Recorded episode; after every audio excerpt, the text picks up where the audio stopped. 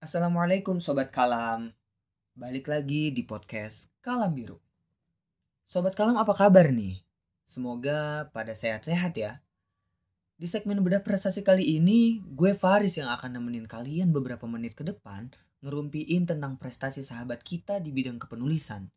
Bidang yang kelihatannya gampang Tapi prosesnya itu loh. Hmm, dari mulai ngumpulin ide, ngumpulin mood, apalagi kalau ada yang bisa konsisten, pasti keren banget sih.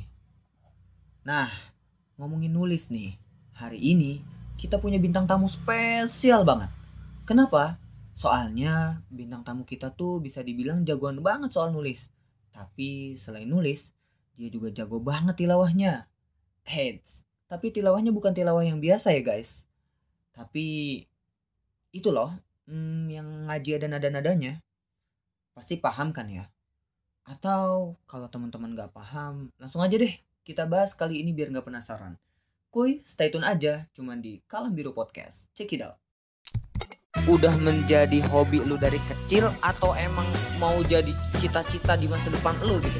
di umur 8 tahun kan termasuk eh, kecil ya masih umur segitu udah latihan bola udah ke sini ke sini kalau gue sendiri sih dari kecil belum kegambar gitu untuk mengikuti silat tapi ada keinginan gitu ikut silat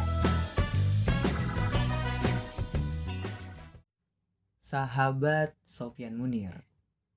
Siapa coba yang gak kenal sama beliau ya kan? Udah pinter ngaji, jago nulis, ganteng pula. Pokoknya keren banget dah opres kita ini. Hmm, soal jodoh sih kayaknya belum ada ya pres ya. Belum ada ya. Nah, buat kalian para perempuan-perempuan, para akhwat-akhwat yang mau ngantri silahkan. Pokoknya bakal jadi istri yang masya Allah banget kalau udah disandingkan dengan wapres Sopian Munir ini. Pokoknya the best deh. Oke, pres. Aneh mau nanya beberapa hal nih tentang antum. Iya boleh boleh. Sebenarnya bukan aneh, tapi sahabat-sahabat kita yang banyak di antara mereka itu yang kepo nih sama sama prestasi antum. Terlebih di bidang tilawah dan juga kepenulisan. Oke, kita mulai bahas tentang tilawah dulu kali ya.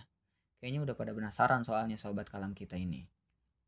Em, pres, kan antum udah terkenal banget gitu, udah famous, udah famous di kalangan para mahasiswa Fakultas Dirosat yang mana antum ini terkenal jago tilawah.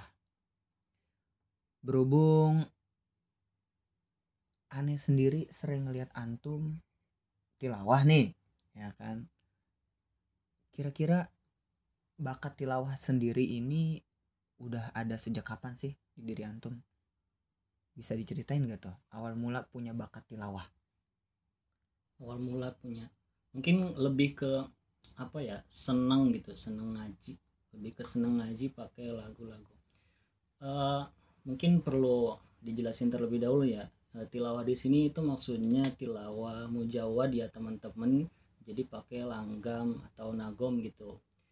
Eh, dulu tuh suka karena ya kayak ngedenger ngedenger kori misalkan eh, Muammar gitu kan almarhum Humaidi atau kori-kori yang lain tuh kan kok bisa sih mereka itu suaranya tinggi nafasnya panjang terus bisa duet bareng. Kayak eh, excited banget lah ngedengernya nah ini tuh namanya apa terus gimana? Akhirnya kan kayak coba-coba niruin lah gitu. Cuman walaupun nggak nggak pernah kesampaian kan sekeren mereka mereka itu. Ya dari kayak niru-niruin rekaman seterusnya seterusnya akhirnya bisa satu dua makro ataupun bisa eh, kita nerapin ke ayat-ayat atau surat-surat lain. Kayak gitu-gitu sih kayak nyoba-nyoba. Akhirnya karena memang eh, teman-teman eh, itu tahu gitu kan karena saya pribadi eh, suka kori-korian bahasanya gitulah. Nah akhirnya kalau misalkan ada acara disuruh ngaji itu kan sebagai pembuka sampai sekarang ya sampai sekarang lah istilahnya kayak gitu. Berarti emang udah sejak lama ya minat di bidang tilawah ini ya. lumayan lama. Dulu pertama kali itu tampil ya formal. Itu pas SD perpisahan. Yaitu pertama kali walaupun sama sekali belum ngerti kayak lagu apa terus ini bener apa enggak lagunya nggak tahu sama sekali. SD aja udah tampil tilawah.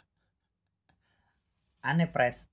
Pas SD itu masih nangis nangisan gak berani tampil di depan umum. Beneran deh.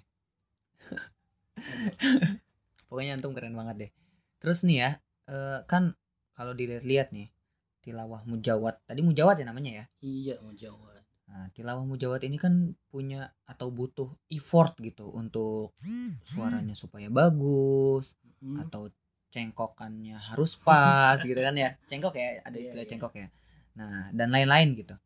Nah, kira-kira eh dulu pres sendiri pernah ikut latihan khusus nggak? Atau mungkin malah autodidak latihannya? Gimana tuh? Hmm. Ya awal-awal itu tadi ya kayak ngedengar rekaman dulu terus kayak mulai coba latihan-latihan niru-niruin kayak gitulah kan.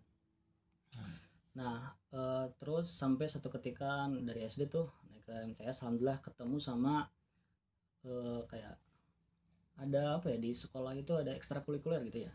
Nah di sana tuh kebetulan ustadznya itu jago banget kori dan akhirnya bisa ngajar gitu kan bisa belajar sama beliau tentang kori kaidah-kaidahnya lagu-lagunya apa aja. Diajarin tuh oh ternyata lagu itu tersusun rapi ya nggak sembarang ngacak gitu. Nah dari dari situ sih akhirnya mulai latihan-latihan secara formal lah gitu. Eh, itu di jadi awal mulanya ya di di sanawiyah gitu. Untuk pesantren saya nggak nggak pesantren kori secara khusus gitu. Tuh. Jadi di sana ya ada alhamdulillah guru yang membimbing. Dari sana akhirnya mulai mengenal dunia per laguan atau pernagongan. Tapi kan kalau dilihat-lihat nih, Pres, eh, antum sendiri udah punya bakat gitu di suara yang bagus, di suara yang enak didengar gitu. Kira-kira kalau untuk suara yang kayak aneh gini gitu, yang biasa banget nih suaranya nih, atau teman-teman yang lain yang suaranya tuh pas-pasan, ada nggak sih harapan untuk bisa tilawah? Wah ada banget. Ada ya? Percaya nggak? Hah? Percaya nggak? Kurang percaya tuh. Gimana Oh. tuh? Coba jelasin. Nah, saya percaya sih. Karena teman-teman itu kan eh, banyak juga yang pesantren ataupun mondok eh, Korea ataupun Quran ya di eh, Banten lah atau di mana mereka itu eh, apa ya banyak yang memang basicnya itu bukan suaranya ya biasa standar lah istilahnya kayak gitu ya saya juga masih bilang saya sa- standar banget bahkan mungkin di bawah standar gitu tapi bisa kalau pas narik itu bagus banget. Jadi kalau ngobrol kayak kita nih biasa ngobrol itu ada yang cempreng ada yang yang suara ngebas tuh kan berat banget gitu. Nah eh, tapi sekalinya narik itu bisa tinggi bisa keren banget. Kenapa ya? Karena memang didikan karena memang latihan terus gitu. Dan juga lingkungan sih enak banget. Karena kalau lingkungan pesantren sih kayaknya emang enak buat terus eh, teriak-teriak gitu kan latihan vokal seterusnya. Kalau kita yang di rumah terus nih kayaknya emang terbatas lah gitu Nah, Jadi suara-suara kita yang biasa ini bisa atau mampu Bisa menguasai banget. tilawah dengan cara banyak latihan Mm-mm. dan juga menyesuaikan dengan lingkungan gitu ya. Iya betul. Heeh, sebaliknya dia yang memang misalkan orang tuanya itu udah udah bagus dari apa ya dari orang tua itu udah bagus kan suara-suaranya. Nah, dia juga bagus suaranya tapi karena memang nggak pernah latihan misalkan beku aja tuh suara. Jadi kayak jelek lah gitu. Kalau karena karena nggak dilatih itu karena nggak diolah suaranya. Hmm.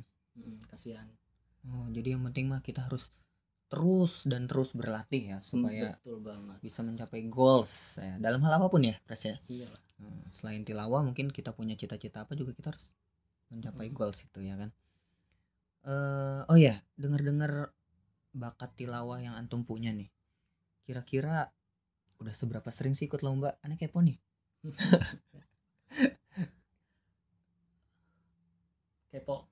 Iya, aneh kepo. Kira-kira udah ikut lomba sejauh apa gitu? Kepo apa? Kepo banget nih. Aduh. Mungkin aneh eh, kepo banget ya. Iya. Tapi kalau sobat kalam kepo luar biasa mungkin. mungkin antum bisa jelasin udah prestasi apa aja yang antum dapat nih di bidang tilawah. kalau untuk lomba ya lomba formal dalam artian yang diadain sama pemerintah itu enggak apa ya enggak banyak sih beberapa kali aja. Cuman banyaknya itu di lomba-lomba yang diadain di sekolah-sekolah antar sekolah gitu kan yang tingkatnya bisa kabupaten sekota se provinsi lain-lain gitu. Nah dari MTS sih dari MTS sudah mulai kan. Karena dibimbing tadi itu karena dilatih tadi dapat guru akhirnya eh, si guru tadi ngasih tahu ini ada yang bisa kori udah dari sana udah mulai akhirnya setiap ada perlombaan yang ada MTQ-nya musabaqah tilawatul Quran diikut sertakan tuh sampai aliyah gitu sampai mahasiswa Lalu kalau dilihat-lihat tadi antum udah sering banget ikut lomba di tingkat pemerintah atau di tingkat sekolah gitu. Eh kira-kira apa tuh lomba yang mana yang paling berkesan bagi antum? Yang paling menantang gitu, yang paling susah gitu. paling berkesan ya? Paling berkesan mungkin ada dua sih. Eh, dilihat dari ini ya eh, pengalamannya ya. Pertama itu ini ikut lomba tapi nggak jadi lomba itu. Makanya berkesan banget sampai sekarang ke ke apa namanya? Kepikiran. kepikiran bukan kepikiran ya inget terus lah istilahnya kayak gitu. Waktu itu kan karena waktu itu di Aliyah ngejabat eh, ketua rohis dan kita ngumpulin teman-teman yang berbakat buat ikut lomba di eh, satu sekolah gitu kan di kota. Nah kita kumpulin kumpulin kumpulin gitu. Dan saya sendiri ikut sebagai eh, pesertanya gitu kan. Peserta MTQ waktu itu. Nah cuman karena sibuk mikirin orang lain ngedata orang lain terus nyiap nyiapin teman-teman akhirnya sama sendiri lupa. Bukan cuman lupa persiapan buat tampilnya aja tapi lupa ya kayak kesehatan gitu. Nah hamin sekitar hamin satu hamin dua wah itu langsung suara tuh langsung hilang ngedadak. Hilangnya kenapa? Hilang serak berat banget. Pernah gak sih kita kayak eh, apa ya nga- ngalamin suara tuh serak kayak robot atau kayak radio yang baterainya udah soak udah mau habis. Nah kayak gitulah. Sampai kalau ngomong pun diketawain sama orang lain nah itu sampai kayak gitu. Entah entah nggak tahu pokoknya hilang aja suaranya. Nah itu udah amin satu udah udah nggak bisa gimana gimana lagi. Kita udah daftar nama kita udah tercantum.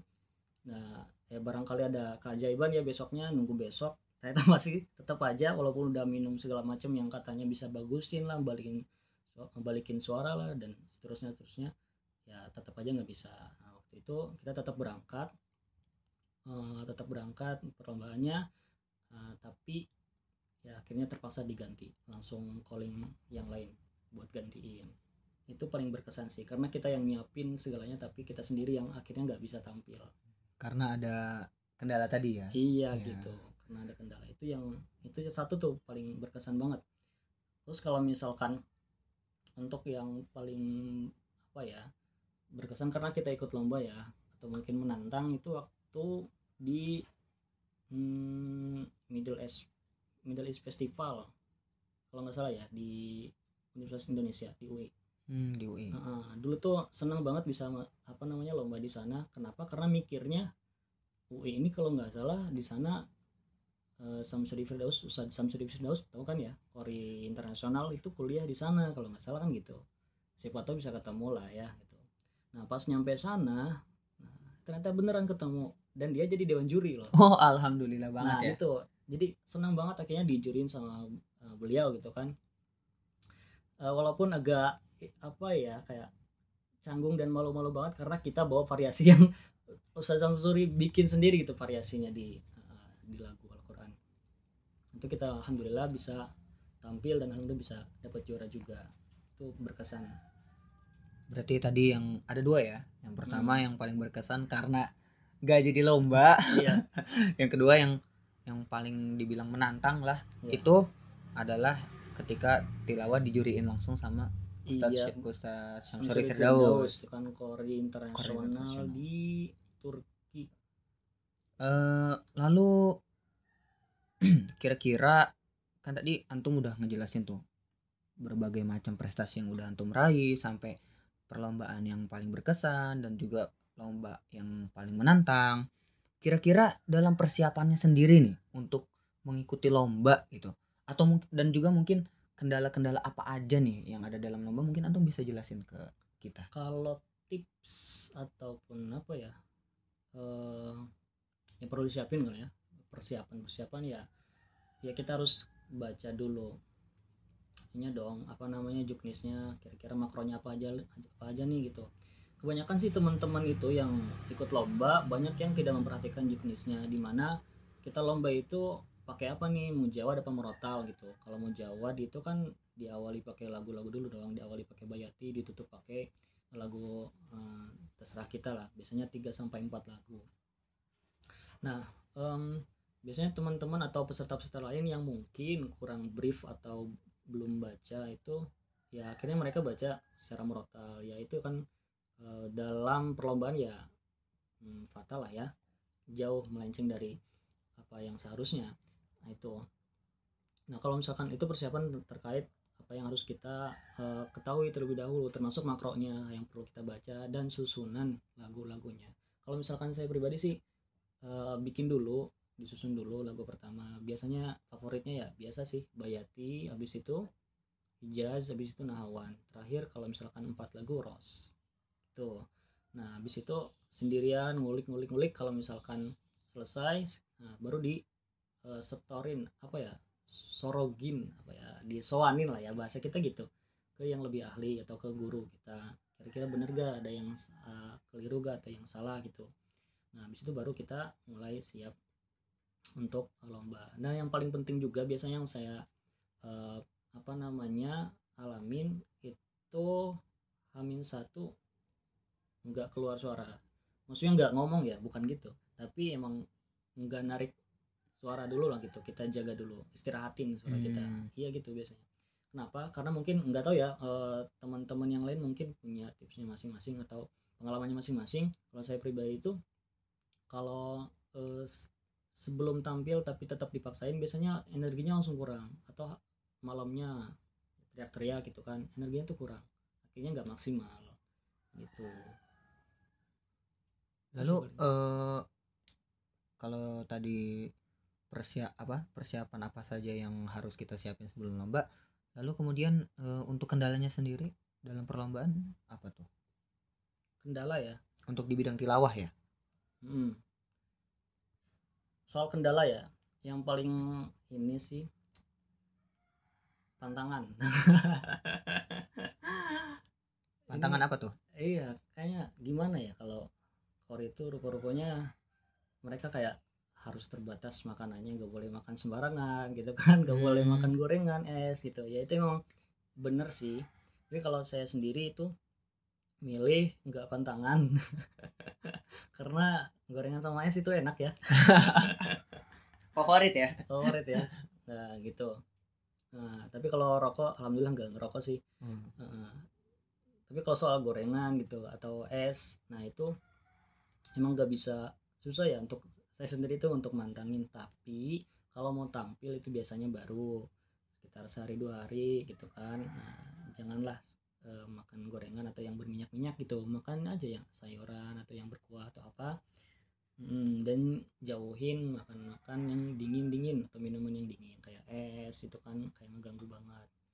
Ataupun kayak susu apa namanya Eh, susu kental itu kan bikin seret tuh tenggorokan. Oh gitu ya. iya itu salah satu kendalanya sih. Itu tadi pantangan. Berarti eh, untuk kendala sendiri sebagai seorang kori itu terfokus pada suara ya?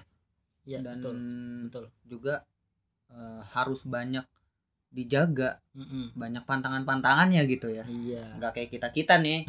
Kalau aneh kan gorengan masuk iya. es-esan Hmm. masuk Hmm. pedes-pedes masuk. Hmm. kalau antum mah harus terjaga gitu makanannya. Itu kalau mau tampil aja gitu. Oh gitu. Kalau sekarang sekarang ya. Oh sekarang sekarang tetap ini nih. Biasa aja. Dimakan juga semuanya ya? Iya.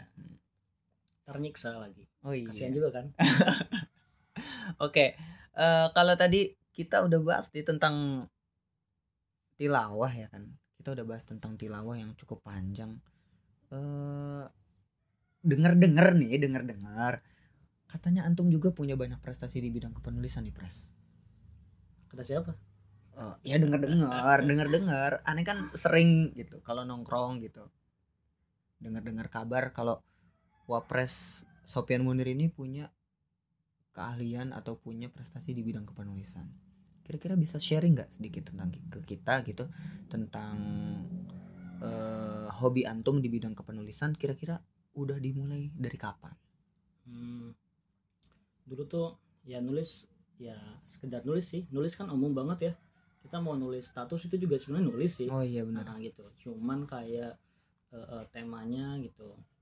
Nah itu yang jadi perbedaan. Kalau dulu sih kayak ya nulis-nulis ringan aja sih. Kayak suasana kita gitu kan ditulis di buku kecil nah impian-impian lain-lain gitu kan kayak gitu. Nah mulai tumbuh pengen nulis yang lebih serius itu ketika Alia di mana kita kan tadi saya bilang di Rohis dulu ya kita bikin wadah kepenulisan jurnalis dan seterusnya seterusnya. Otomatis karena kita apa namanya saya sendiri ketuanya gitu kan saya mulai yang memelopori gitu kan bikin tulisan-tulisan gitu kan biar teman-teman juga ikut ke trigger gitu. Em, berarti kalau soal kepenulisan ini nggak terlalu lama ya maksudnya adalah eh, hal yang mungkin baru gitu ketimbang tilawah ya kalau Iya, tilawah kan udah dari SD Hmm. dari kecil lah ya kalau tilawah udah dari kecil kalau penu- kepenulisan ini Mungkin- Bismillah, Alia. Iya, mungkin antum baru-baru ini ya, baru-baru pas aliyah ya. Eh, kira-kira kalau soal karya nih, udah nulis berapa banyak karya, Pres? Pengen tahu dong. Pasti banyak kan karyanya. Kira-kira udah ada berapa nih? Karya pertamanya mungkin atau ya bisa dijelasin?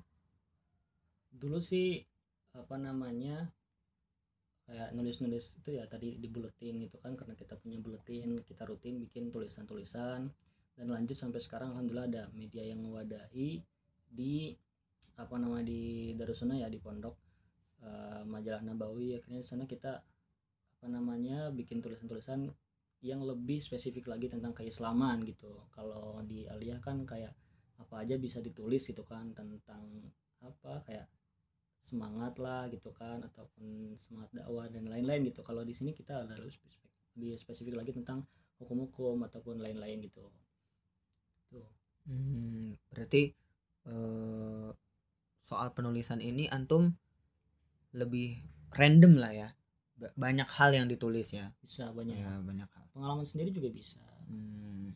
mau lihat tulisan-tulisannya jangan ya ada di blog saya apa blog lagi bukan website asli mumpung belum dihapus sama Oh iya, boleh boleh. Apa tuh nama websitenya? sofianmunir.com Oh, sofian.com. Nanti coba sebelum dihapus kayak gak mau diperpanjang sih oh, coba nanti aneh buka-buka ya. Mungkin teman-teman eh, mungkin sahabat-sahabati, sobat kalam semua bisa eh, dicek atau Iya. bisa dilihat literasi atau baca- eh, tulisan-tulisan dari pres kita, dari wapres kita Sofian Munir ya. Pasti banyak dan bagus-bagus kayaknya ya.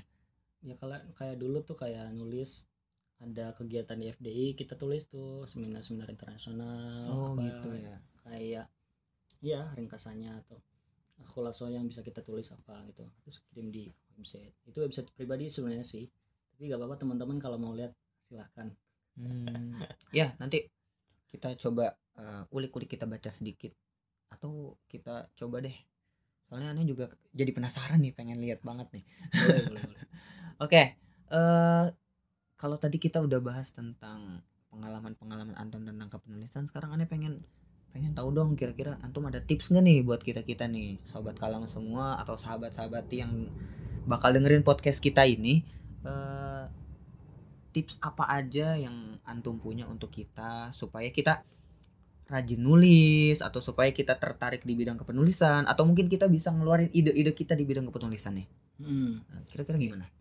Sebenarnya nggak ada tips yang lebih manjur kecuali tiga. Apa tuh? Pertama latihan. Kedua latihan. Ketiga latihan. Oh jadi yang penting kunci utamanya adalah latihan, Ya. terus menerus terus ya ya siapa sih yang ujuk-ujuk ujuk-ujuk langsung bagus itu kan nulis gitu. Nggak ada. Tapi kita mulai dari nol dulu mulai lang- tulisan-tulisan yang alay-alay terus gitu kan. Oh, iya. dulu tulisan Facebook biasalah. Nah tapi lama kelamaan kalau misalkan kita terus nulis itu insya Allah bakal jadi bagus sendiri gitu kan. Oh, iya. karena banyaknya bendahara pembendaharaan kata yang kita punya ataupun pengalaman-pengalaman ataupun bacaan-bacaan kita. Itu yang paling terpenting sih. Intinya ya latihan. Itu. Itu kalau soal kepenulisan mungkin tipsnya itu ya. Artinya kita harus banyak banyak banyak latihan. Banyak banyak belajar ya kan? Sekalian deh eh, tips supaya jago tilawah gimana nih? Hmm. Ini sebenarnya gak jauh beda sih sama menulis. Intinya latihan. sama aja ya pokoknya iya, latihan dan juga perbanyak referensi. Itu ya, kalau di penulisan referensi berarti baca. Banyakin baca. Gak mungkin dong kita bisa nulis tapi kalau kita nggak bisa apa namanya nggak nyering nyeringin baca gitu kan. Nah, sama kita juga nggak bisa apa namanya apa namanya kori ataupun ngaji dengan nagom ataupun langgam tapi kalau kita nggak sering-sering berguru sering-sering latihan sering-sering buka YouTube kalau sekarang lebih gampang banget gitu kan. Biar kita banyak wawasan biar kita banyak referensi-referensi buat latihan kita. Sama biar bisa kita juga biar bisa ke trigger buat ngelakuin itu loh. Kadang kita tuh pengen apa namanya nulis karena ngelihat orang lain tuh nulis. Ah, benar. Atau karena orang lain tuh punya karya ini bagus banget kok bisa ya itu kan. Eh, misalkan Bang Terelia itu bisa bukunya banyak banget sampai 48 itu gimana gitu. Nah akhirnya kita ke trigger buat nulis. Nah gitu. Nggak apa-apa itu bagus juga motivasi bagus. Ataupun ini kok eh, siapa namanya kori-kori bisa sampai internasional gitu kan anak-anak kecil gitu kok bisa gitu kan. Gimana sih caranya atau apa aja sih yang perlu dipelajari untuk pemula? Itu kan jadi dari pertanyaan-pertanyaan. Itu timbullah rasa kita tuh pengen bisa gitu kan. Walaupun ya eh, gak muluk-muluk amat. Intinya kita udah ngelangkah udah eh, bergerak pengen bisa itu udah bagus gitu. Kesannya tinggal latihan latihan latihan. Gitu. Nah, itu tadi serba-serbi dunia kepenulisan dan juga tilawah yang udah kita bahas nih bersama sahabat kita, Sofian Munir. Ah, mungkin itu aja podcast kita pada kesempatan kali ini. Thank you, terima kasih banyak buat sahabat Sofian Munir yang udah berkenan kita ajak ngobrol nih di Kalam Biru Podcast ya. Semoga apa yang udah disampaikan tadi bisa bermanfaat buat kita semua para pendengar setia Kalam, Biru Podcast. See you on the next episode. Thank you.